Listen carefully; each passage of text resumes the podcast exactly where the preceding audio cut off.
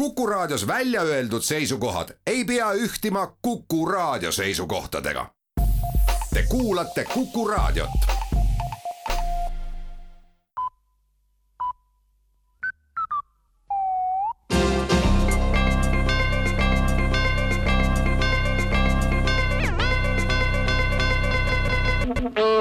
tere kuulama uudiseid stuudios Rohke Debelak riigikogu liikluskomisjon hakkab arutama EKRE poolt tehtud ettepanekut, mis nõuaks uuest aastast kõikidele autodele jalgratturi raudade paigaldamist.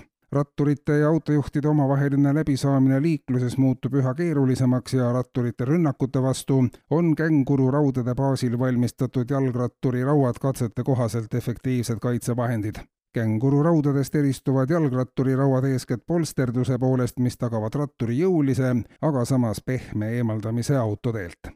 kaasates kõiki osapooli ja sotsiaalseid gruppe, on aga valitsusel peatselt plaanis selgeks vaielda, kas tasuline kõrgharidus paneb noore inimese pingutama või mitte kui selgub, et tasuline kõrgharidus tõepoolest on positiivse mõjuga, siis tuleb uurida ka teiste seni poolenisti tasuta olnud teenuste tasuliseks muutmise võimalusi.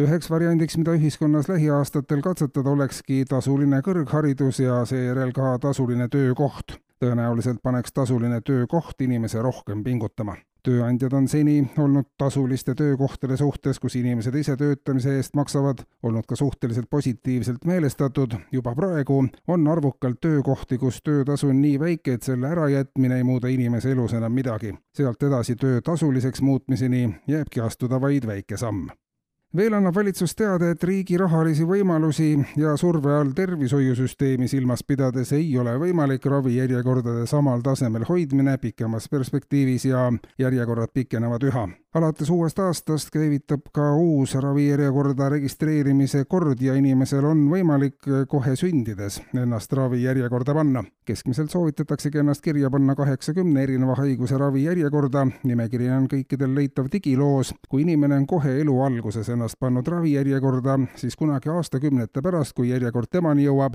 siis ongi suure tõenäosusega juba mõne haiguse nähud tekkinud. ja kui ennast varakult ravijärjekorda panna, on võimalus ka peatselt abi saada ning muudatusi on veel, koht ravijärjekorras muutub alates uuest aastast päritavaks, mis tähendab, et kui inimene siiski ei jõua oma järjekorda ära oodata, siis saavad temale mõeldud ravi kasutada tema lapsed. nii nagu paljud haigused on päritavad, nii saab päritav olema ka koht ravijärjekorras, teatab ministeerium ning Maaeluministeerium annab teada, et saadab koostöös Euroopa Kosmoseagentuuriga Maa lähedasele orbiidile uurimissatelliidi Huvi kaks, mis peaks koguma andmeid ja leidma vastuseid küsimusele, miks inimesed maal elada tahavad. Maaelule on seotud palju piiranguid, kitsendusi, probleeme on maal elamise juures palju, sellele vaatamata elatakse seal kõigega jõuste ikka edasi. uurimisjaam lendab maale väga lähedal, võtab pinnasest ja isenditest proove, analüüsib neid, esimesed andmed peaksid käes olema kahe nädala pärast.